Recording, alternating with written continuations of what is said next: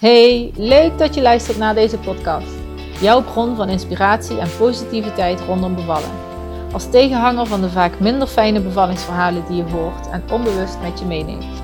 De podcast is een verzameling van mooie bevallingsverhalen en gesprekken, waarbij het gaat over het belang van vertrouwen in jezelf, vertrouwen in je lichaam en het bevallingsproces. Hoe je in je eigen kracht kan staan, de invloed van een positieve mindset en samenwerking met je partner en het medische team. Bevallen de Sunnyside. Daar gaan we!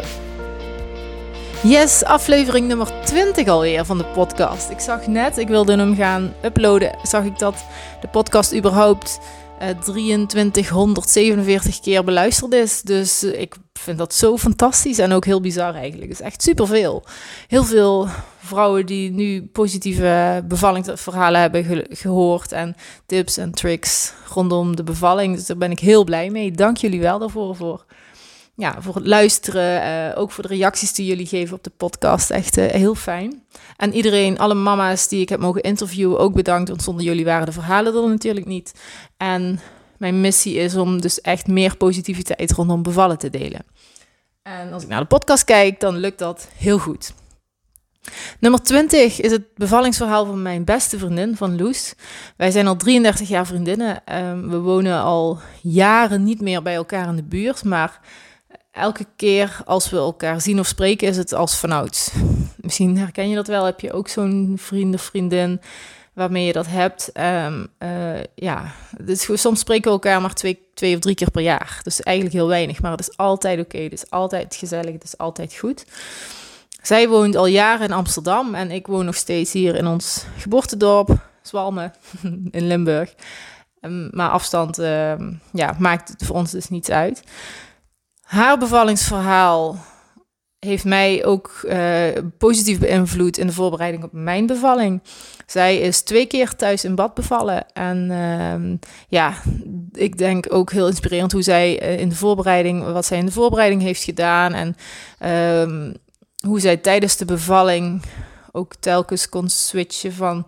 van zij noemde het ook heel erg dat de bevallen, dan loop je eigenlijk over een heel dun lijntje. En je kan naar de ene kant schieten naar in vertrouwen, maar het kan ook gebeuren dat je soms even weer in angst of paniek schiet. En, maar als je dan de tools hebt om terug te komen naar vertrouwen, dan, ja, dan kun je gewoon een hele fijne bevalling ervaren. Maar ga luisteren. Zij legt het veel beter uit dan ik.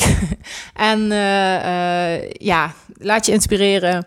Deel het als het nodig is, als je zoiets hebt. Uh, dit moet iemand anders ook horen. Deel het. En ik wens je gewoon uh, uh, heel veel luisterplezier. En als je dit bericht, ja, inderdaad, delen. Of als je vragen hebt, dan, dan hoor ik het ook heel graag natuurlijk. Maar ga nu eerst even lekker luisteren. En ehm, nou, ik ben heel benieuwd wat je ervan vindt. Hi. Hey, Loesje. Hallo. Hi, leuk. uh, ga interviewen over jouw twee bevallingen. En ja. Gewoon ook fijn dat het. Uh, ja, het waren gewoon twee hele fijne, positieve bevallingen. En even voor de luisteraars: Loes en ik zijn beste vriendinnen al vanaf ons vierde jaar, volgens mij. En uh, ik weet nog toen jij zwanger was en dat je vertelde dat je thuis wilde bevallen in bad, dat ik nog wel dacht van, nou, ik ben benieuwd hoe dat zal gaan. En dat heeft mij ook wel weer geholpen in mijn bevalling uiteindelijk een paar jaar later. Hm. Dus, uh, en gewoon leuk om mijn beste vriendin te interviewen. Ja, Superleuk. heel leuk. Ja. Toch? Ja, zeker, zeker. Nou, um, ja, laten we bij het begin beginnen. Uh, jouw eerste bevalling, hoe, um, hoe heb je je daarop voorbereid? Heb je je daarop voorbereid? Ja, ja, ik heb me daar wel op voorbereid. Uh, ik, heb een, ik heb niet uh, gelezen of uh, ik heb het niet, me niet echt theoretisch voorbereid. Ik heb mhm. niet, je hebt ook een boek wat, wat me werd aangeraden um, van Beatrice, hoe heet ze nou ook weer? Nou, een hele beroemde ja, verloskundige. Het gaat over dat je meegaat met de pijn en zo. Dat heb ik allemaal niet gedaan, dus geen theorie. Maar ik heb wel mm-hmm. een beval cursus, ja, dat heette dan zwangerschapsyoga. Maar daar zaten dan ook uh, sessies bij waarin uh, we ons gingen voorbereiden op uh, de bevalling. En daar heb ik echt heel veel aan gehad. Mm. En vooral zeg maar gewoon wat trucjes voor ehm, eh, ademhalen en, eh, en bepaalde geluiden maken en zo. Maar daar kan ik zo nog wel even iets over zeggen als je Mhm. wil. Geluiden. ja, en ik ben heb ik wel me vooral mentaal heel erg... ehm, ja, ik ben nogal eh, perfectionistisch en ik vind het heel moeilijk eh, in het normale leven om de controle niet te hebben. Maar ja, ik wist natuurlijk ook wel dat een bevalling ehm, uitgerekend iets is waar je misschien wel niet de controle hebt. Of in ieder geval waarin je je moet kunnen overgeven aan eh, wat er gebeurt.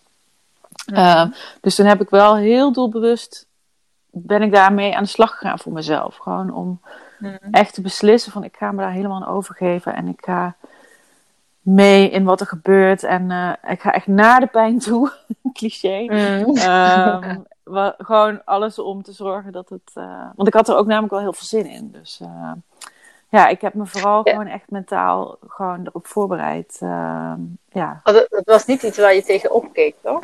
nee, nee, nee, ik had er echt heel veel zin in. Mhm, ja, Maar ook wel, ook Ja, wel door die cursus hoor. Ja, Mhm, Oké.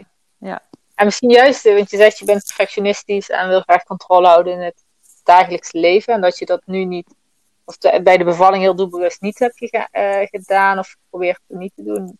Eh, om je daar zo op voor te bereiden, dat, dat, dan heb je eigenlijk misschien dat perfectionisme in je voordeel gebruikt. Weet je, dat Ja. kwam even op. Dat ja. je het juist op die manier eh, hebt ingezet in een, op een positieve manier. Ja, Ja. ja. En eh, die bevalcursus, heb je die samen met Joop gedaan? Of alleen? Nou, er was één keer eh, een sessie waarbij, waar hij bij was. Dat was voor hem ook wel heel Mhm. leuk. Ehm, en verder, het stelde ook niet zo heel veel voor hoor. Het waren echt maar een paar ehm, sessies, ik denk drie of vier, van anderhalf Mhm. uur per keer, waarbij het ook yoga was. Eh, maar dan Ja. ging het ook dus voor een deel gewoon over de bevalling en wat je kunt doen. En het was gewoon heel erg gericht op ehm, natuurlijk bevallen.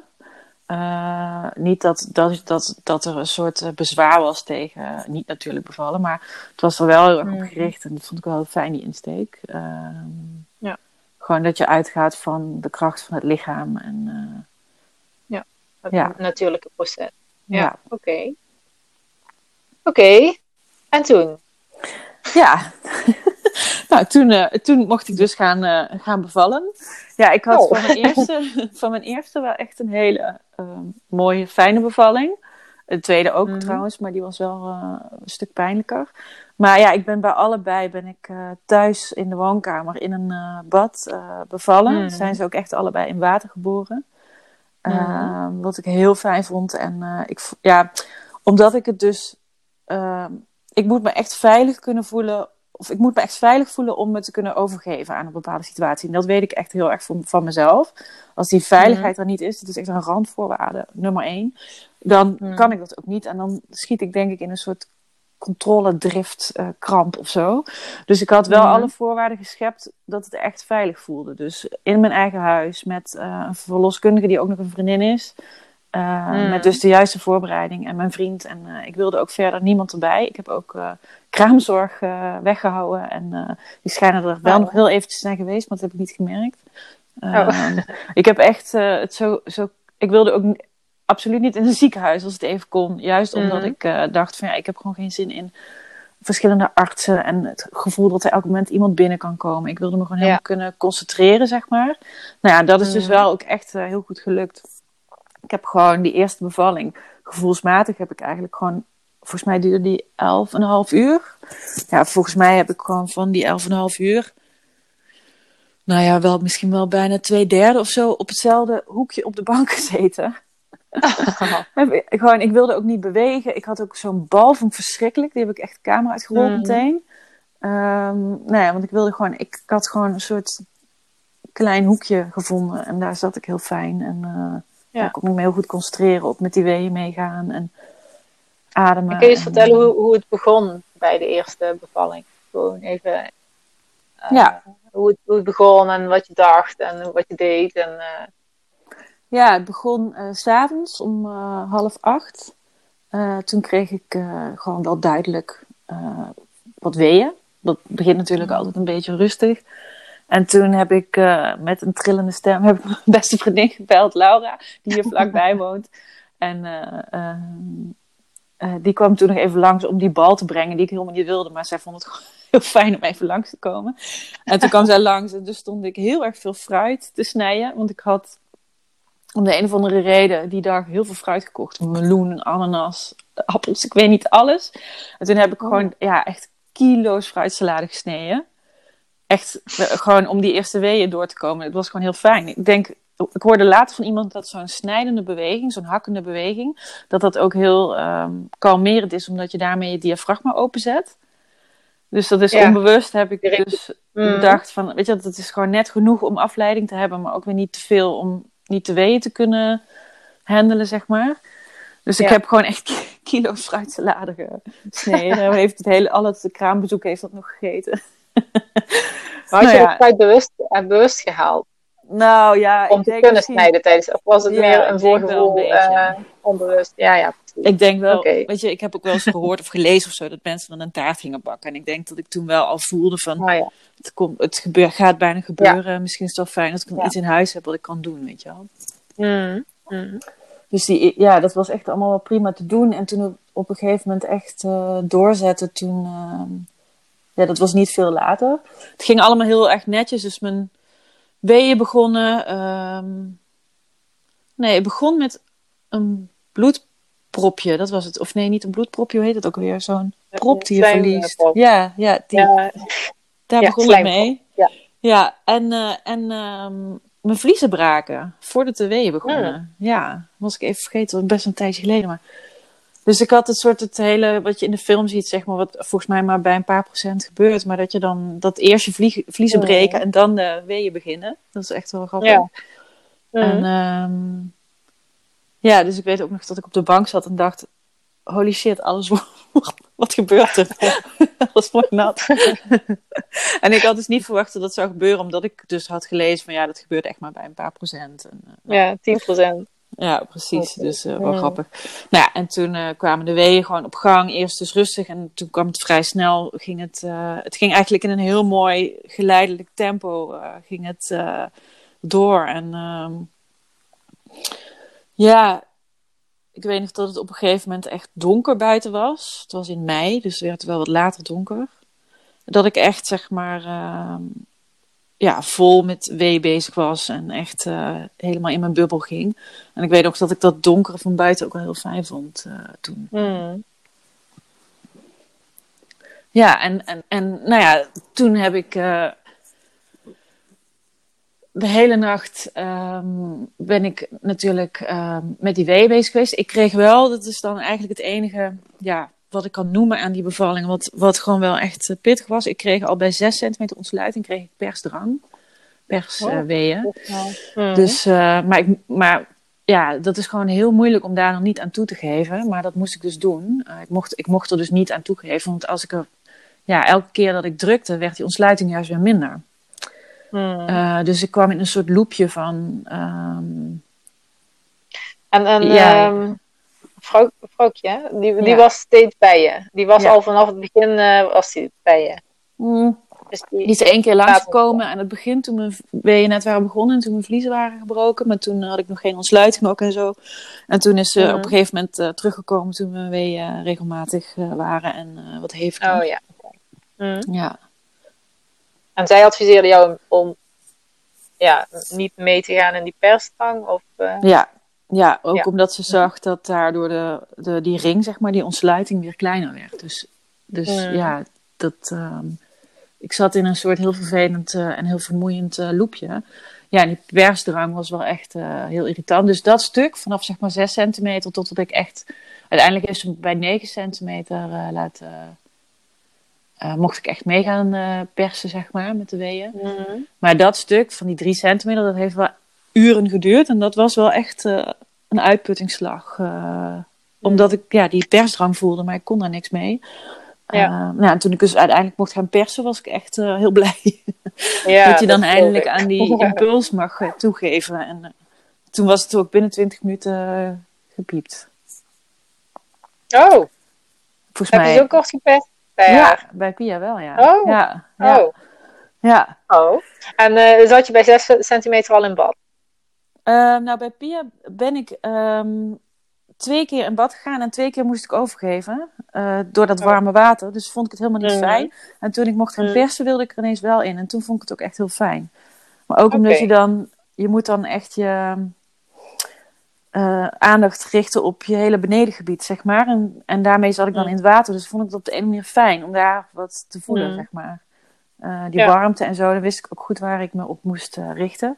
En ik wilde gewoon heel graag dat ze in het bad werd geboren. Dus eh, ja, uiteindelijk was, was het eigenlijk alleen maar het laatste half uur dat ik er echt eh, bij haar dan eh, in heb gezeten. Maar dat was Mhm. wel heel fijn. Oké. Ja.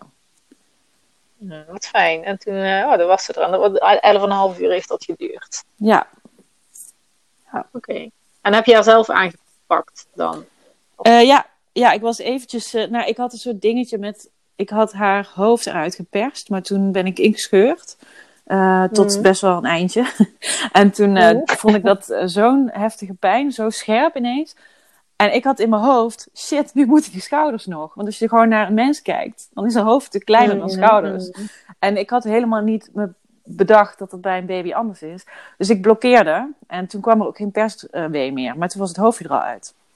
Dus dat was wel een beetje problematisch eventjes.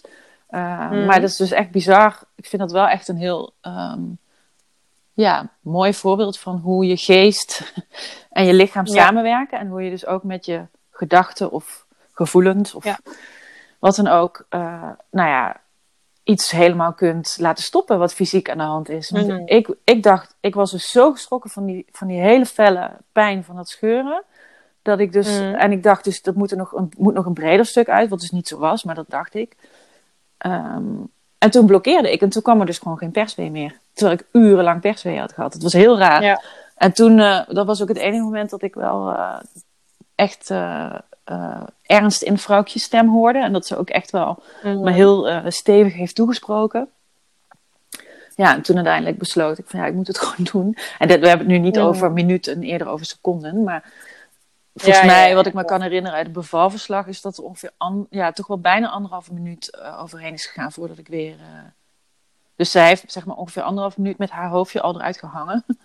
Ja, ja. Ja, klinkt een beetje naar, maar dat, eh, het was ook niet handig eigenlijk. Maar ja, dat, dat, dat soort dingen gebeuren dan. Ehm, nou ja, en toen uiteindelijk. dat, Sorry. ik weet ook niet of dat, of, dat, of dat lang is of niet. Of, ik kan me dat bij mezelf niet echt herinneren. Ja, dat was. Nou ja, vrouwtje, mijn verloskundige, die zei wel van dat was wel. Als jij toen niet een eh wee had gekregen, had ik moeten ingrijpen. Dan had ik er zelf eruit moeten halen. Wat ze Oh, natuurlijk ja. niet willen doen. Eh, Maar ja, Mhm. toen zei ze dat tegen mij: van als jij nu niet een wee krijgt, dan zoiets zei ze toen. Dan, dan als je nu niet, weet je wel, dit gaat doen, dan moet ik het doen. Ja. Ja. Eh, en toen besloot ik, ja, dus ik wil, ik wil gewoon dat ze eruit komt. En toen kreeg ik ook weer een Ja. wee. Dat is echt heel grappig. Ja, ja. Ja. Ja, dat is echt een duidelijk voorbeeld van die mind-body connectie. Hoe Ja. jouw lichaam, je geest met je lichaam communiceert. eh, je gedachten met je lichaam. Ja. Dat dat ook heel snel kan gaan. ja. In anderhalve minuut eigenlijk. Van blokkade naar weer overgaan Dat- ja, en meegaan. Ja, en er Mm. gebeurt zoveel in je hoofd dan. En je lijf gaat daar dan in mee. Ja, dat is echt eh, best wel bizar. Ja, en. Toen, toen, toen was ik helemaal... Want ik dacht, oké, fuck it. Ik ga het gewoon doen. Ik ga het gewoon doen. En ik was me mentaal... Ik zei het niet hardop, maar dat ging allemaal zo in mijn hoofd. Van, oké, ik kan dit, ik kan dit. En ik ging me helemaal schrap zetten. En ik gaf al mijn kracht die ik had. Want ik dacht dus echt, ik moet nog hele brede schouders uit. En toen flubberde dus zo als een soort kikkervisje het water in. En dat was helemaal niet. Die schouders waren natuurlijk smaller dan het hoofdje, maar ik had het gewoon Ja. niet bedacht. En niemand wist dat ik. een soort van speeldraai nog. Ja, en niemand wist ook dat ik dit in mijn Ja. hoofd had, want ik heb het allemaal niet hard opgezegd. Nee. Want anders hadden ze Nee. kunnen zeggen van nee, maar dat is Nee. niet zo. Maar nou ja, dat, Ja. dat, dat ging dus allemaal. nou ja, en toen vloog ze dus echt met best wel wat kracht het water in. dat was bij mijn tweede ook heel anders. Die vloog er niet met zoveel kracht in. Dus, dus ik heb bij Pia ook echt wel heel hard eh, nog geperst aan het einde. En Mhm. ehm, nou ja, toen was ik dus echt even helemaal in shock. Ik viel gewoon helemaal stil, want ik dacht, hè, was dat het dan? Hmm. Ja, Dus ik zag er klopte wel, maar ik, ja, ik bevroor echt even. ook- Dus ja. ja, toen fluisterde vrouwtje in mijn oor van, je mag hem pakken. Nou, toen heb ik er zelf gepakt. Oh, Ja, Toen was ze er heerlijk. ja, Wat fijn. ja. Mhm. En toen ging Ja. meteen alles eh, was goed en eh, je kon lekker thuis blijven. Ja. Toch? Ja, je niet ja. naar het ziekenhuis. of, eh, Nee, ik heb een, eh, een heel klein eh, knus woonkamertje. Dus ik stapte gewoon uit dat enorme bad. En daarnaast stond meteen de bank. Daar lagen allemaal doeken op. En daar ben ik met haar op gaan liggen. En Joop kwam ernaast. En ja, dat was echt super fijn. En Ja. wij hoefden nergens heen. Zij werd Nee. bij ons in de woonkamer. Werd ze heel even gecheckt. Maar dat is, een, dat is echt een kwestie van een minuutje. En dan leggen ze weer- er weer bij je. En, Mm. Ja, ze, ze is, eh, Ja, wat ze, is, ze is denk ik pas eh, ons huis uitgegaan eh, op dag zeven of zo. Dat we even een stuk gingen wandelen. Dus dat is wel echt heel fijn. Dat je die hele Mm. bevalling en alles daarna, dat dat gewoon allemaal eh, thuis was. Ja. Ja. Ja, echt heel fijn. Ja. Wat grappig ook, dat je ze, want mijn bevalling heeft bijvoorbeeld ook 11 uur geduurd. En ik wilde me ook heel graag veilig voelen. Eh, en voor mij voelde het ook heel veilig thuis en juist niet in het ziekenhuis. En eh, dat besef ik me nu dat wij dat allebei heel sterk zo voelen. ja, grappig. Dat ja, allebei inderdaad. dat, dat gevoel heel duidelijk naar voren kwam in het begin van eh, Ja, keuzes maken, zeg maar. ja. Oh, ja, en dat het ook zo persoonlijk is. Hè? Want ik kan me ook heel goed voorstellen Mhm. dat je je veiliger voelt in het ziekenhuis. Het ziekenhuis, Het is gewoon ja. Er er super persoonlijk. hebben. Ja, Ja, ja. En, en dat is natuurlijk ook gewoon helemaal eh, aan iedereen. Weet je, het is gewoon zo fijn dat we die keuzevrijheid hebben. Mm, zeker. Ja, Ik zeg ook altijd tegen mensen van eh, ehm, veilig is misschien wel de eerste randvoorwaarde. Je moet je veilig voelen, vertrouwd en geliefd. En als dat voor jou thuis is of in het ziekenhuis, dat maakt niet zoveel uit. Als je je maar veilig voelt. En dat heeft ook een beetje met je oerbrein te maken. Dat eh, als je je niet veilig voelt, wil je vanuit je oerbrein zegt dan, ik moet vechten, vluchten of bevriezen. ja, Eh, en dan, ja, weet je, je kan wel thuis be- bevallen, maar je voelt je niet veilig. Dan zal het ook niet zo makkelijk gaan. Of in het Ja. ziekenhuis. Dus, eh, ja. ja, mooi. Nou ja, wa- wat ik dan, wat, wat ik, wat mij, wat, wat ik heel fijn vond aan thuisbevallen, en dat bedoel ik dus helemaal niet als eh, propaganda voor eh, thuisbevallen, maar wat ik er wel echt heel erg fijn aan vond. Ik heb dus, dus tijdens die ehm zwangerschapsyoga, die cursus zeg maar die ik deed, vertelde die docenten dat eh, eh, diepe geluiden die je helemaal onderuit je buik haalt, echt, eh, Mhm. ja, ik wil het eigenlijk een beetje gênant nu, maar echt de, de. A-klank bijvoorbeeld, dat, oh, dat echt zo heel diepe Oh ja, A-klank. De A-klank is een heel goed voorbeeld, denk ik. Maar hoe dieper ze uit je buik komen, nou ja, als je het al probeert, de, de, de ja, O zit ook wel redelijk diep in je buik, maar bijvoorbeeld de E en de E en de, weet je wel, die, en de E, die zitten allemaal wat hoger als je die klanken maakt. Mhm. Dus, dus, ik, dus de A-klank en dan heel diep en zwaar met je stem, Mhm. dat helpt je heel erg om heel erg onder, in je, echt in je onderbuik, eh, eh, eh, ja, die klank te maken. Dus ook je ademhaling naartoe te brengen. En dat is echt ook zo'n Mhm. oerklank. En ja, zij zegt, zodra een vrouw die, dat zo'n geluid uitstoot tijdens een bevalling, is ze Mhm. goed bezig. En ze, daar heeft mijn vriend ook heel veel aan gehad. Echt heel veel. Dat zegt hij nog steeds eh, als mannen hem eh, vragen wat ze moeten weten over bevallen. Zegt hij van Oh. ja, zodra een vrouw een beetje gaat grommen en diepe geluiden maakt, een beetje hoe dat, weet je wel. En Mhm. ehm, eh, niet meer bereikbaar is, dan is ze super goed bezig. Want dan zit ze gewoon helemaal in die, En die bubbel. in die bubbel, dan zit ze in de concentratie, dan kan ze zich overgeven aan wat er Mhm. gebeurt. En dan zit ze eigenlijk heel erg in die oerstand. En ik denk dus Mhm. gewoon persoonlijk dat ik dat nooit in een ziekenhuis zou durven. Ik zou veel te veel bezig Oké. zijn met, oh god, dadelijk komt er een arts binnen, wat denkt hij dan wel niet, weet je wel. Want je, Ah, ja, je ja, maakt ja. echt, ja, ik heb echt Mhm. als een soort, eh, ja, een soort wilde dier. man. Ja. Heel dierlijk inderdaad. Ook dat, wie, dat je op en neer gaat wiegen en eh, ja, die, die klanken, weet je wel. En Mhm. ja, het ging inderdaad super goed met mij. En ik zat er heel lekker in. Maar het ziet er van de buitenkant misschien wel een beetje gekkig uit of zo, weet je wel. Ja. En dat is gewoon wel fijn. Van als je dan thuis bent.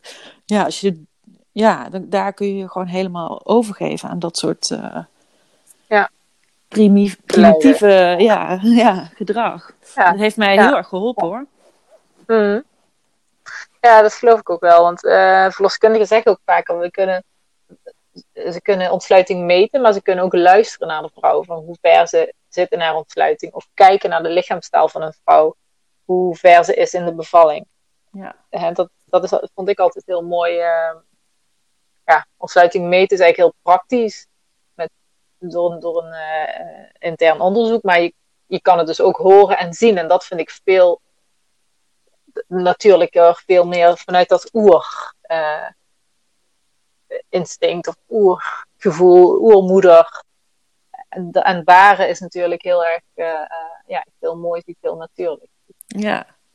Ja, en de pijn die je hebt, ja, daar moet je ook wel echt, die, daar kun je niet geen geluid bij maken, weet je wel. Dat is gewoon zo, ja, ja dat kan zo fel zijn. En uh, en, dan, en dan maakt het soort geluid wat je maakt heel veel uit voor hoe je je uh, mentaal uh, blijft voelen. Dus als jij een heel hoog geluid gaat maken, dan kom je veel hoger in je ademhaling en dan kom je ook veel eerder in die paniekstand. En als jij een laag geluid gaat maken, bewust, als je er echt voor kiest van ik ga nu meer in die soort grom, gromstand en daar, dat gaat me helpen om, om op die weeën mee te gaan dan kom je veel, ja, dan, dan, schiet je niet zo snel in die hele hoge ademhaling, waardoor je dan vervolgens eh, misschien wat sneller in een paniek uh, schiet. Ja. Dat is wel, want ik, had, ik vond dat puffen echt verschrikkelijk, dat heb ik dus niet gedaan. Ik weet niet, heb jij dat gedaan? Um, dat, ja, ik heb toen Dat? ja, ik heb dat wel gedaan. Ik vond het heel fijn, maar vanaf dat ik persdrang kreeg. Oh, ja. Toen uh, uh, zei de verloskundige, want ik zei, oh, ik heb persdrang. Zegt ze, ja, ga maar mee. En toen gaan we mee in wat je lichaam aangeeft. En toen, toen zag ze dat ik mijn ademhaling niet meer onder controle had. Want als je persdrang uh, of persweeën hebt, dan kom je niet meer weg met zo'n rustige ademhaling. En toen zei, zei ze, het helpt als je nu wat sneller achter elkaar uitademt. Ja, precies. Uh, en toen dacht ik, oh ja, dat heb ik geleerd. En dat had ik ook geleerd in een cursus. En uh, dat heeft mij heel erg geholpen. Ja. Want zij heeft niet zozeer tegen mij gezegd, je mag, niet, je mag nog niet persen. Maar ik heb wel het idee dat ze dat zei. Uh, en omdat ik nog niet mocht persen, maar dat als ik gewoon rustig meeging met wat de kracht die de weeën aangaven, dat het dan vanzelf wel tot de volledige ontsluiting kwam en dat, dat ik vervolgens kon, mee, kon gaan meepersen. Ja. En die, die, die tufjes was dan, uh, ja, dat vond ik wel heel fijn. Ja. En heb jij ook ervaren dat dat, ja, nu ga ik vragen aan jou stellen, maar heb je ook ervaren dat dat lijntje naar paniek, dat dat eigenlijk steeds wel is. Dat je daar steeds, of soms wel op laveert, zeg maar. Zo, dat je, uh, dat je ook wel voelt van, nou, als ik nu dit of dat doe of denk, dan ga ik te veel naar die paniek. Ja, ik heb dat eigenlijk alleen gehad tijdens het persen zelf. Want uh, tot aan de persfase heb ik, was ik helemaal rustig en kalm. Maar uh, toen ik op, ik zat op de baarkruk en toen stelde de verloskundige ineens voor uh, Jenny, wat, we, wat ik kan doen is je vliezen breken, dan gaat het allemaal wat sneller. En dus ik kwam eigenlijk een beetje zo uit mijn bubbel, zo van, oh, oh, oh oké, want ik dacht het gaat goed. En um, toen heb ik daarover nagedacht, toen zei ik dat is goed. Toen moest ik op bed gaan liggen. En dat vond ik heel, daarna was het heel, heel lastig voor me, want de vliezen werden gebroken tijdens een wee. En de verloskundige moet er goed bij kunnen om het goed te kunnen zien. En daarom moet, moest ik op mijn rug gaan liggen. Mhm. En ik was zo, op dat moment kost het me te veel energie om daarna weer op te staan. Dus ik ben blijven liggen. Dus uiteindelijk uh, ben ik op mijn rug bevallen op bed. En uh, ja, dat vond ik heel erg. Daar had ik af, en toe wel even zo'n angstgedachte van: oh, kan ik dit wel? En het doet pijn, het branden. En ik kon ook niet goed de wee vasthouden om het hoofdje te laten staan, zeg maar, om, om voldoende mee te gaan, om, omdat dat hoofdje bleef staan, want ze schoot steeds terug.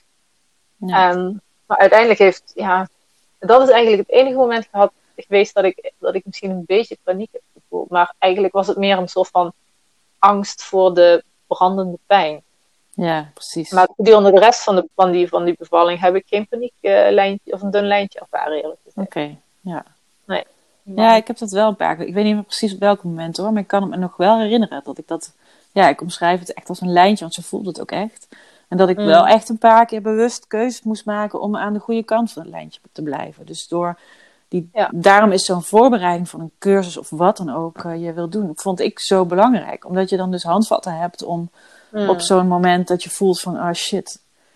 Um, Tenminste, ik heb het zo ervaren dat dat lijntje heel belangrijk was om aan de goede kant te blijven. Want als ik er overheen zou gaan, had ik het idee dat het vrij snel zou kunnen escaleren naar iets slechts ja. of zo. Dus ik had wel het gevoel gehad dat ik continu bewust moest kiezen om, of niet continu, maar wel op momenten bewust moest kiezen om uh, nou ja, aan de goede kant van het lijntje te blijven. Dat was in mijn geval dan dus bijvoorbeeld weer terug naar die geluiden te gaan en uh, ja, gewoon echt proberen gewoon uh, ik, ik- wat mij heel erg hielp is die pijn te visualiseren en daar dan echt zeg maar naartoe te gaan. Dus ik boog dan ook echt met mijn lichaam, met mijn hoofd Mm. richting mijn eh, onderbuik, om echt, echt fysiek ook dichter bij die pijn te komen. Want dat hielp mij dan heel erg om. Ja. Eh, ja, dat was gewoon dan een soort. ehm, Je let, misschien wel letterlijk omarmen van die pijn. Dat klinkt ook ja, maar dat was dan ook een wel- soort, soort truc of zo om. Ik wist Mhm. gewoon van als ik, als ik naar de pijn toe ga, Mm. dan dat is gewoon iets wat ik moet doen. Dus dan, dan gaat het goed of zo, snap je? Dus het was ook Ja. bijna een soort trucje. En het hielp natuurlijk, het werkte ook heel goed. Want Ja. die paar keer, en dat zijn misschien maar twee of drie keer geweest in die hele bevalling, dat ik eventjes de neiging voelde van, oh, dit wordt echt te veel, dit wordt echt te veel. En er van af wilde gaan, voelde je ook meteen, oh nee, shit, dat moet ik dus echt niet doen. Dan kom je zo meteen in een soort, eh, eh, nou, niet fijne vibe, zeg maar. Dus dat was wel, ja, ik heb wel het gevoel gehad dat ik een paar keer echt een keuze heb moeten maken. Van oké, focus, Ja, ik vind die weer. metafoor wel heel mooi. Wat je zegt, dat lijntje, dat dunne lijntje tussen vertrouwen en paniek. En dat je tijdens de bevalling elke keer nog een keuze kan maken. Van oké, ik merk nu dat ik over de lijn richting paniek ga. Ja. Wat kan ik doen? Welk handvat kan ik pakken om weer naar vertrouwen te gaan? Dus dat je gedurende de hele bevalling kan kiezen. Ja. ja, en dan is het dus wel heel fijn als je die handvatten hebt. Want anders heb je denk ik Ja, niet zoveel precies. om te kiezen. Ja, Daar is die Ja. voorbereiding dan wel heel belangrijk in. Ja, ja. ja, ja gewoon wat echt ademhalingstechniekjes of zo, weet je wel. Dat is al heel fijn. Ja. Ja. Oké. En toen, de tweede bevalling. Was je zwanger Ja. van eh Oktar. Ja, de tweede, ja, ook, ook weer thuis, godzijdank. Wat ik ook weer weer heel graag wilde. Mhm. Ehm, weer in het, nog steeds in hetzelfde huis, in dezelfde woonkamer, in hetzelfde bad zelfs. Want dat hebben we de eerste keer geleend Oh. van, eh, van een verloskundige. En de tweede keer weer hetzelfde bad. Er zijn inmiddels Mhm. eh, bijna alle baby's eh, in onze vriendenkring zijn daar niet geboren. Oh, hè? Eh, ja, wel bijzonder. Er zitten ook, sommigen Mhm. zitten nu al bij elkaar in de klas. En die hebben het er wel eens over dat ze in hetzelfde bad zijn geboren. Wordt natuurlijk steeds een hele schone nieuwe hoes omgelegd, hè? Dat snap je. Ja, nou, oké. Nou, ik dacht al... eh, niet heel erg hy- hygiënisch, nee. Nee. Maar eh, wel. ja, dus, dus ja, mijn jongste Oscar is daar ook weer in geboren. En Ja, bij hem, eh, ja, dat was vorig jaar eind februari. Februari. Ehm, ja, waar het bij Pia s'avonds begon, begon het bij hem s ochtends. Ik had, bij Pia, Pia kwam twee weken te vroeg. Ik was 38 weken en één dag. Oh, ja. En ik was bij Mhm. Oscar al ehm 41 weken en twee dagen.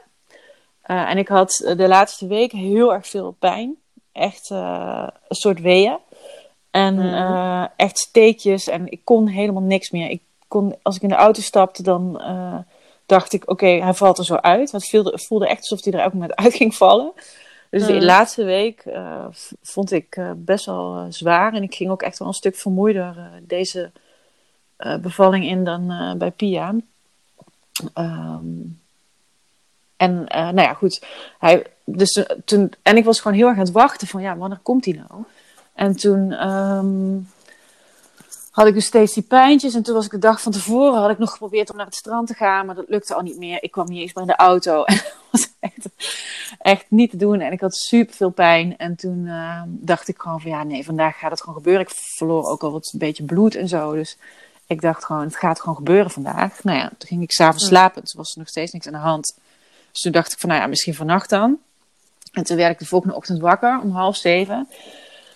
En toen keek ik naar de klok en toen zag ik dat het half zeven was. En toen dacht ik, nee, niet weer een dag. Hij is er weer niet gekomen. En toen moest ik zo hard huilen. Echt heel hard huilen. Oh, Onbedaarlijk huilen. En toen midden in Ja. mijn huilbui kwam er een eerste Ja. wee.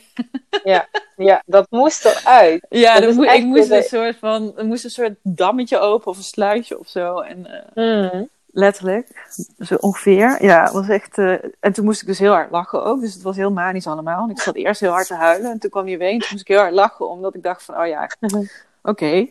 Blijkbaar eh, moest ik even heel hard huilen. Dus toen, eh, nou ja, toen was het dus half zeven ochtends. En toen begon het. Ik vond het ook wel weer heel fijn. Ik vond het ook wel wat hebben dat het zo begin van de dag was. Het was Mhm. natuurlijk wel nog stil, want het was nog vroeg. Dus ik kon me daar eigenlijk rustig een beetje op voorbereiden. Toen heb ik wel meteen weer diezelfde vriendin Laura gebeld, want die kwam dan onze oudste ophalen. Eh, maar dat ging ook allemaal heel erg op zijn gemakje. Mhm. En ehm, ja, er werd dus, eh, be- bevalbed werd opgezet hier in de woonkamer. En eh, ik scharrelde daar gewoon een beetje omheen. Eh, maar ik vond wel al vanaf het begin de weeën feller dan eh, bij mijn eerste. Maar dat was misschien ook wel omdat eh, ik natuurlijk een stuk verder in de zwangerschap was. Wat meer vermoeid al. Ik weet het niet. En hij bleek achteraf ook een hele kilo zwaarder. Dus misschien eh, heeft dat ook wel eh, Ja. meegeholpen. Maar ik vond vanaf het begin wel al echt pijnlijker. En het vroeg wel al meteen meer van me qua ehm, concentratie. En het was allemaal wat, wat, wat scherper, wat hoekiger, zeg En heb je maar. er nog, ja, heb je, eh, en heb je die bevalcursus nog gevolgd? Of een soort van opfriscursus? Ja. Of Ja, een soort, je uit wat ja, je een soort opfrisversie daarvan. Dus eh, zij biedt dan ook inderdaad eh, een soort ja, opfrisvariant aan voor als je een tweede keer gaat bevallen. Nog één keertje, weet je wel, even een soort reminder. Dus dat heb ik inderdaad wel gedaan. Ook weer heel fijn, echt heel goed ook. Maar vooral meer ook een soort bevestiging van wat ik al wist. En fijn om dat nog even een keertje weer op het netvlies te krijgen.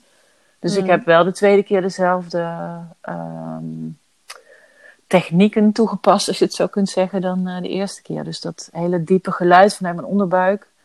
En eh, ja, gewoon helemaal ogen dicht naar binnen toe. Ehm, Ja. Weinig afleiding, niks om me heen. Geen, eh, Mhm. ja, iedereen moest zijn telefoon uit. Ik wilde geen, niet dat ze hele gesprekken gingen voeren Oh, en ja. zo. En weet je wel? Ja.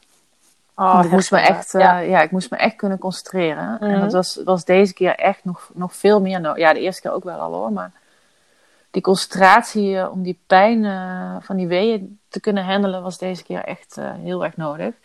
Nou ja, en toen ging het ook allemaal wat sneller. Dus het was wat feller, maar ook wat sneller. En toen heb ik ook, wat anders was bij Oscar dan bij Pia, was dat ik eigenlijk meteen in bad wilde. En dat ik meteen heel fijn vond. Mhm. Uh, en daar heb ik uh, wel echt uh, heel erg lang in gezeten. En daar is hij uiteindelijk ook in geboren. Mhm. Um, ik moet bekennen dat ik niet precies weet hoe, laat, hoe lang de bevalling heeft geduurd. Hij is, het is om half zeven begonnen en hij is rond twee uur geboren. Maar of dat nou kwart over twee was of ja. zoiets. Dus ja, dat is niet super lang. Hoe lang is dat? Zeven uur of zo? Ja, zeven en een half ja, uur.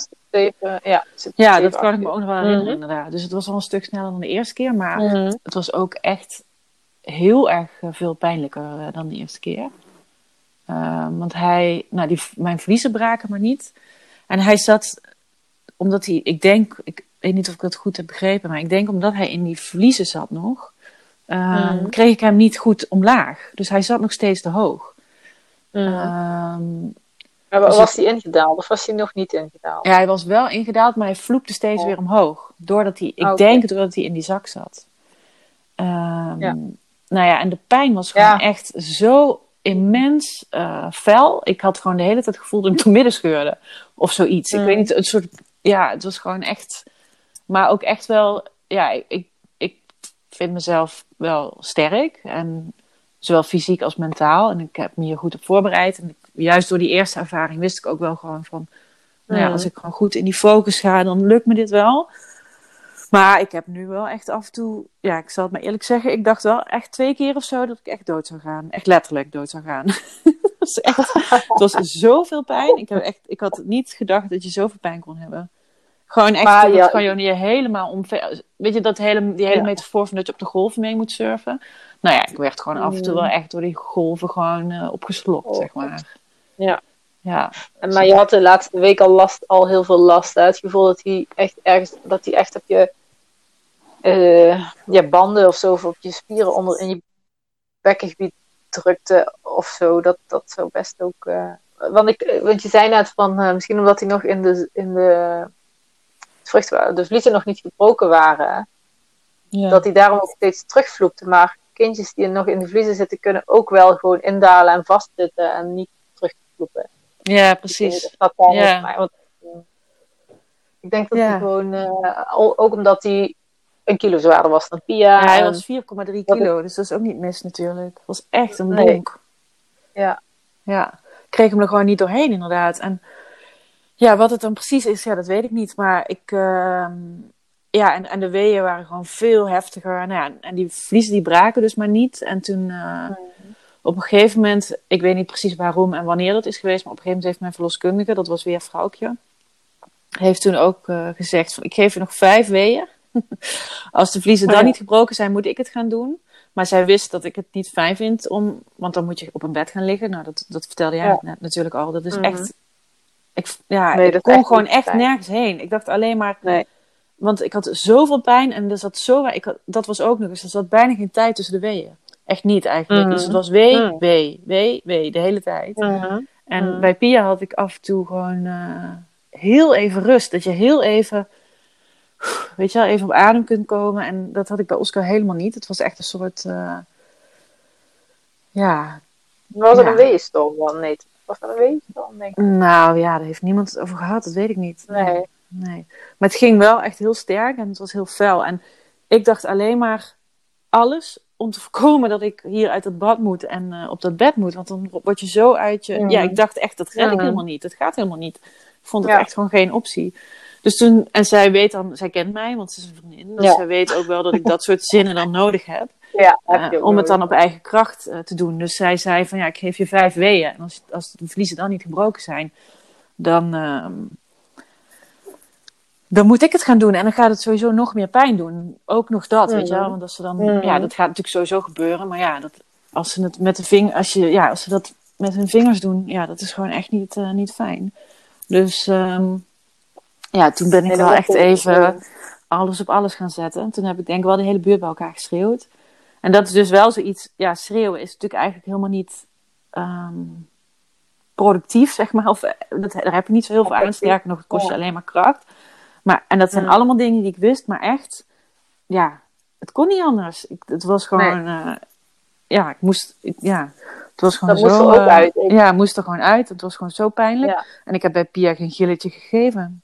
Dus zo zie je maar dat het ook gewoon, ja, dat. Elke bevalling is anders. Ja, en, en precies, elke bevalling is anders, elk kind is anders. Uh, ja, mm. precies, uh, precies dat. En nou ja, dus toen, toen heb ik wel bij, ik dacht gewoon alleen maar, ik ga die motherfucking kutvlies, sorry, ga ik echt gewoon de nek omdraaien. Ik ga ze gewoon door midden scheuren. Dus ik was zo kwaad op die vliezen. Die had ik echt, die waren voor, voor mij een soort van de belichaming van het kwaad in de wereld. En ik had, ja. ik had echt in een paar uur tijd een enorme hekel aan gekregen aan die vliezen. Dus toen, ja, toen ben ik, ben ik, heb ik ze gewoon kapot geperst, zeg maar. Dus toen ben ik gewoon mm-hmm. me gaan voorstellen dat ik ze doormidden zou persen. En toen heb ik het ook gedaan, eigenlijk. Ja, ja, ja. ja. dus dat visualiseren, dat hielp toen wel. Dus de eerste wee, ja. ze zei natuurlijk, ik geef nog vijf weeën. Nou, bij de eerste wee lukt het nog niet, maar bij de tweede heb ik ze toen uh, ja. gebroken. En uh, ja, dat was aan de ene kant een enorme opluchting, heel even. Toen voelde ik ook meteen uh, heel veel druk eraf gaan. Maar toen werden de weeën wel echt nog heftiger. Dus toen, uh, mm-hmm. ja, dat was, dat, ja. toen is wel ook echt een moment gekomen dat ik dacht, ik kan dit redden, ik ga dit niet overleven, denk ik. Want het is gewoon zo mm. extreem uh, pijnlijk. Maar ja, uiteindelijk overleef je het natuurlijk keurig. En uh, um, ja, hem maar uitpersen was wel wat moeizamer dan bij Pia ook. Omdat, ik denk omdat hij zo flink was. Mm. Uh, dus daar, moest ik wel, daar heb ik wel echt langer over gedaan. En dat kostte echt wel meer moeite ook. Echt wel stukje voor stukje, millimeter voor millimeter kwam hij eruit. Terwijl bij Pia ja, ging het gewoon in wat grotere stapjes. Mm. En hij vloepte dan af en toe weer eens terug, weet je wel. Dus, oh ja, dat had ik En dan ook. voelde ik zijn schedeltje en dan ineens was het weer weg, weet je wel. En dat, uh, dat heb ik heel ja. veel uh, bij Oscar gehad. En dat vond ik wel frustrerend. Dat, dat het dan niet, dat je achteruit ging in plaats van vooruit, zeg maar. Zo voelt het dan in ieder geval. Mm. Um, dus uh, ja, dat persen was bij hem wel wat. Uh, Hoe lang heb je bij hem Ja, ik weet het niet precies ik wel. Ik weet dat het nee, langer nee. was dan bij Pia, want daar hebben we het ook nog over gehad daarna. Van ja, het was wel, dat persen was wel uh, pittiger. Mm. Maar ik geloof niet dat het exorbitant lang was. Volgens mij was het een, ja, wat zou het zijn geweest? Een half uur of zo? Ik weet het niet. Wat is normaal om te persen? Ja, een uur. Een uur, oké. Okay. Ja, misschien was het dan wel een uur. Ik weet het niet. Ik zou het echt niet weten. Het voelde allemaal heel lang. Maar ja, tijd is natuurlijk ja. ook zo'n heel abstract uh, begrip als je aan het bevallen bent. Ja, kijk, als je in, die, in dat kokonnetje zit of in die roes zit, dan vliegt de tijd. Dan heb je geen besef van tijd. Maar als je, als je die gedachte hebt van, eh, eh, ik, ik scheur die vliezen nu door en het moet eruit. Dat zijn toch, alles toch een andere flow. En dan Ja, kun je ook sneller het gevoel hebben dat het lang duurt. ja, Dat, Ja. dat is wel echt het verschil. Want dat is niet meer echt ontspannen. Dat is niet meer in de flow. nee. En dan eh, eh, ja, is je tijdsbeleving heel anders. Ja. Ja, en nou ja, uiteindelijk, wat dus, je zou nu misschien kunnen denken van, oh, dan heb je die tweede bevalling misschien helemaal niet als, eh, ja, fijn ervaren. Maar dat heb ik dus wel. Ik, eh, ik heb er hele fijne, warme gevoelens aan, net als bij mijn eerste. Ehm, omdat ik nog steeds gewoon die, die handvatten heb kunnen gebruiken. En ik heb nog steeds eh, met die fijne mensen omheen kunnen doen in dat fijne bad. Ehm, Ja. En ja, ehm, ik weet wel nog dat ik daarna wel echt een weekje of zo echt wel een beetje licht getraumatiseerd was door die pijn. Dat ik ook echt wel Mhm. gewoon, als mensen naar vroegen, heel hard moest huilen daarna, elke keer. El- elke keer als iemand vroeg was je bevalling, dan, dan, dan was wel echt gewoon, was wel echt een dingetje. Nu heb ik dat Mhm. niet meer, maar dat had ik de eerste ja, week of twee of zo had ik dat wel echt. Dat ik er ook niet, Mhm. eh, ja, eigenlijk niet echt over wilde praten, omdat ik dacht, ja, het was gewoon zo afschuwelijk pijnlijk. Eh, maar ja, op een gegeven moment vervaagt dat, die, echt die herinnering aan die pijn vervaagt ook wel weer.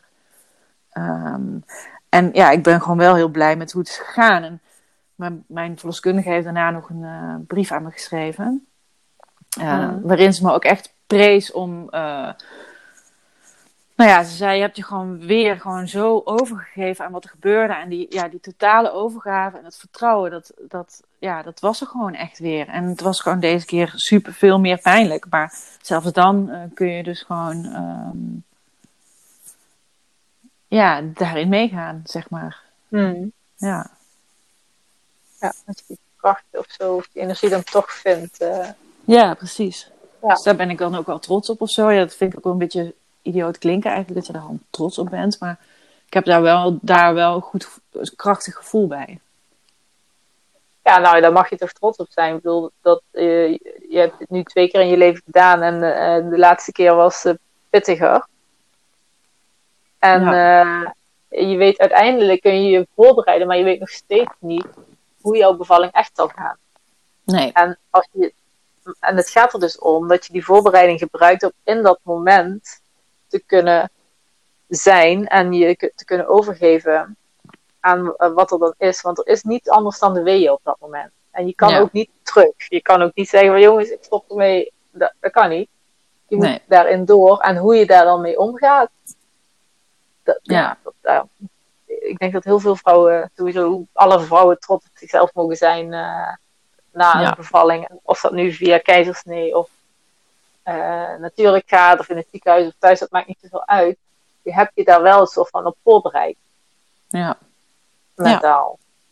Ja. En ja, het is gewoon heel bijzonder. Super bijzonder. Ja. Oh, heerlijk. En, eh, en, en, en Joop, hoe, hoe eh, heeft hij het ervaren, de geboorte van Oscar?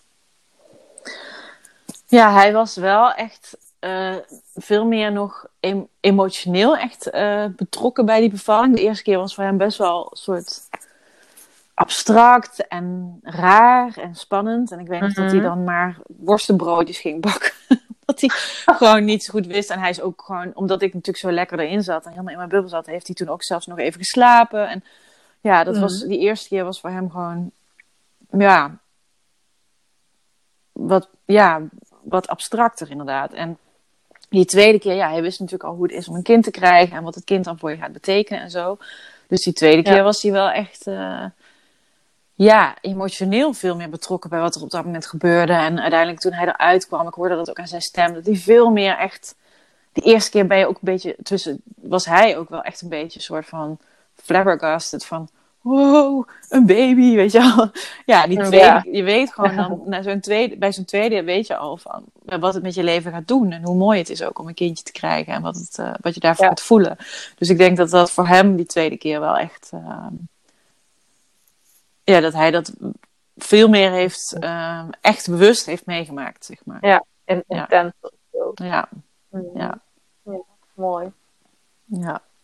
Mooi.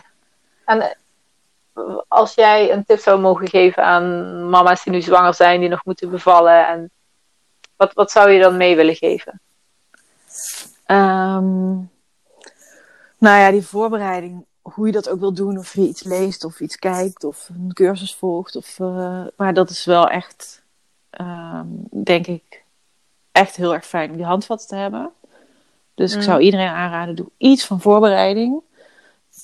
Vooral, ga vooral niet te veel doen, denk ik ook. Want uiteindelijk gaat het natuurlijk mm. juist ook om overgave. Maar het is wel echt heel erg fijn om die, uh, die paar trucjes zoals ademhalingstechnieken te hebben. Of wat je partner kan doen. Of nou ja, zoiets. Um, ja. En nou ja, wat ik toch nog zie, best wel vaak ook om me heen, is dat. Ja, hoe kan ik dit nou tactisch zeggen? Ik, nou, ik zeg het gewoon eigenlijk niet tactisch. ik vind ja. gewoon nog te vaak dat vrouwen te veel rekening houden met wat bijvoorbeeld hun partner wil, of mensen om, om zich heen, of wat een verloskundige oppert. Of ja, als ik, mm. blijf gewoon echt bij jezelf. Luister heel erg goed naar je gevoel. Als jij uh, uh, weet ik veel, in het ziekenhuis wil bevallen, terwijl iedereen om je heen roept, doe het thuis. Dan ga je naar het ziekenhuis. Als jij um, het thuis wil doen uh, en jij wil je lievelingsmuziek op, en, dan dus, weet je, zorg dat alles precies mhm. is hoe jij het wil doen. Want het maakt echt geen helemaal niks uit wat iemand anders ervan vindt of wat iemand anders wil. Want het is jouw bevalling. En natuurlijk is de partner speelt ook een rol, maar jij moet het wel gaan doen. En als jij je ja als jij compromissen maakt die, die, die ten koste van je eigen wensen gaan, ja, dan mm. is, het, is, zijn de, is die situatie misschien niet optimaal voor jou om te bevallen. Dus ja. Oh, helemaal mee eens. En ik denk ook dat je dan weer terugkomt bij die randvoorwaarden van uh, uh, waar voel jij je veilig bij, en bij wie voel jij je veilig? Uh, bij wie voel je je vertrouwd, in welke omgeving en geliefd?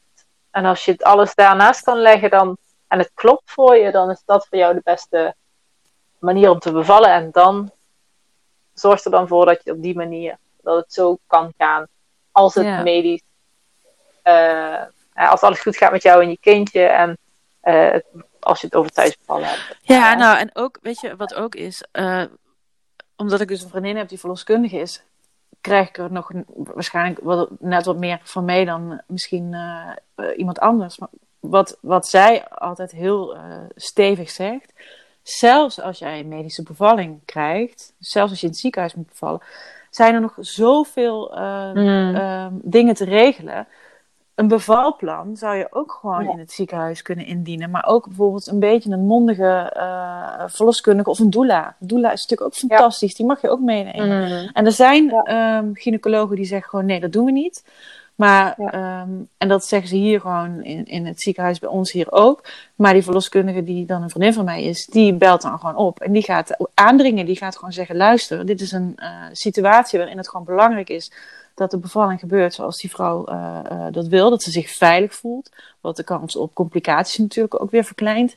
Dus um, hmm. ja, ik raad jullie toch heel erg aan om haar om gehoor te geven aan haar wensen. En als je dan een beetje assertief bent, dan kun je nog best wel wat geregeld krijgen. En um, ja. ja.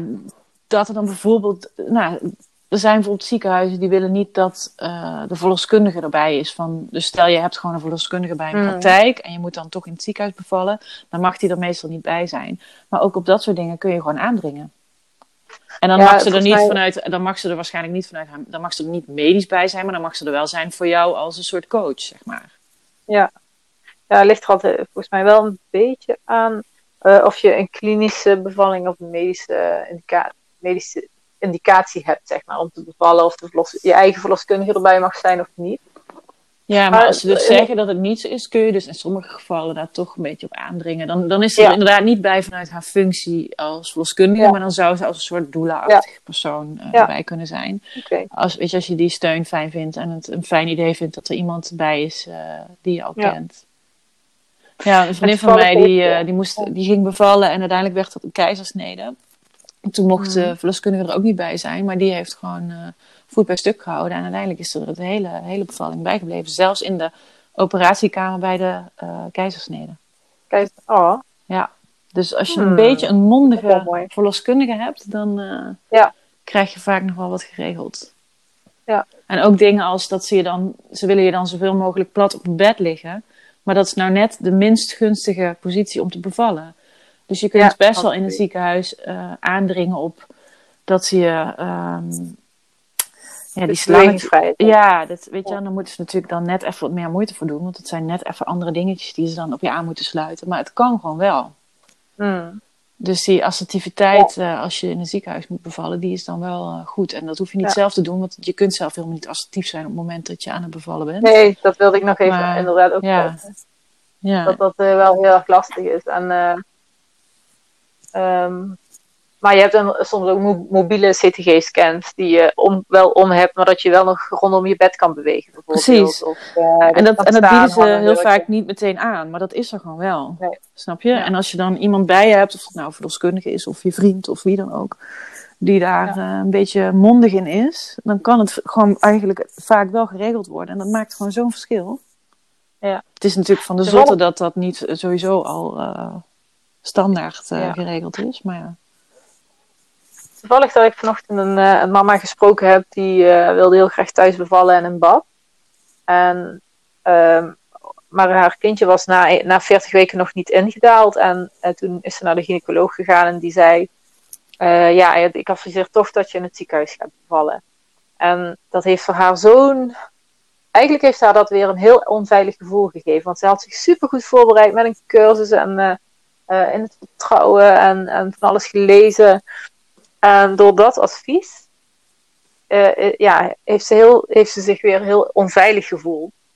Ja. En eh, twee dagen later is het kindje ingedaald. En nog zei de gynaecoloog: Nee, ik vind het nog steeds beter als je in het ziekenhuis bevalt. En vervolgens was er interventie op interventie. En uiteindelijk is dat ook geëindigd in een, in een, keizer, in een spoedkeizersnede. En, Hmm. maar het is ook heel erg moeilijk, denk ik, voor, voor, voor zwangere vrouwen. om voet bij stuk te houden of je eigen Ja. gevoel te vol, blijven volgen. Want zij had het gevoel, volgens mij kan ik best thuis bevallen. Ook al, want nu is die ingedaald, alles gaat nog goed verder. Ik, dat had best wel gekund. Maar dan krijg je die, de- dat gevoel van die arts-patiëntrelatie. Weet je, hier Ja, hier wordt het van, meteen hij zal het wel beter weten. Ja. Ja, van hij zal het wel beter weten en alles voor de, voor de gezondheid van mijn kindje. En dan, dan doen we dat maar. Ik denk dat je daar heel snel in meegaat, omdat je, ja, dat, dat, dat, dat zit heel erg in, in mensen ingeprogrammeerd. En het is heel lastig om dan eh goed bij stuk te houden. En, en de ja, haarverloskundige die nam niet echt een standpunt in. Dus, oh ja, Ja. er is best wel een weg te gaan. Ik vind het wel mooi dat je dat zegt. Dat je, eh, ja, dat het wel, eh, dat je daar best wel het gesprek over aan mag gaan. Ja. Ja. Maar ik denk dat het, dat het ook wel belangrijk is om te weten als dat niet zo is, dat je dat, ja, er is natuurlijk geen goed of fout. Er is geen, Nee. Zeker. eh, ja. En zo'n Het is, het is denk ik puur be- bewustzijn dat... Ja, ja, ja. Ja, en de feiten, weet je, die, die kijken er heel anders naar. En eh, Ja. ik weet niet, ik een, ja. Ik ben het helemaal met je eens. Nee, en, maar het is, het, is ook wat, het is precies ook wat jij zegt. En het is elke situatie moet natuurlijk apart bekeken worden. Je kunt niet eh, iets generaliseren hierin en zeggen van nou... Iedereen die naar het ziekenhuis moet, die eh, puntje, puntje. Ja, dat, zo, dat is natuurlijk dat is gewoon niet één. eh. Maar het feit is wel natuurlijk dat je... ehm, ja, dat, dat de zorg in het ziekenhuis omtrent bevallen eh, altijd nog wel enigszins flexibel is. Dus dat je altijd nog iets van eigen wensen eh, kwijt kunt. Ja. Tenminste, niet altijd, maar soms.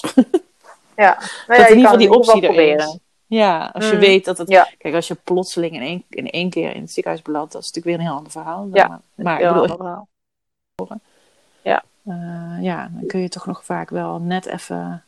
Ja, bijvoorbeeld vragen om die bewegingsvrijheid. Of, ehm, of stilte, of eh, inderdaad de donkere kamer, muziek, zulke dingen zijn ook wel heel belangrijk. Dus ja, je- een oh, hele belangrijke...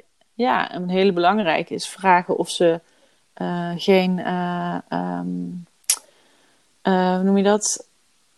Co- Co-schappen, hoe noem je dat nou? Wat stom? Stagiaires of Ja, weet je wel, geen... in opleiding. Ja, dankjewel. Dus geen artsen in opleiding.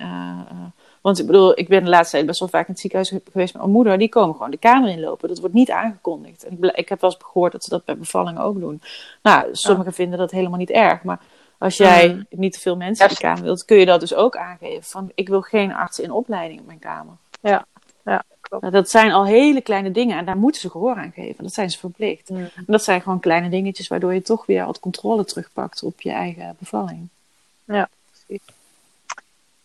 Yes, nou, er is nog heel veel te halen en ehm, te leren. En eh, ik denk dat dit verhaal sowieso al heel erg helpt.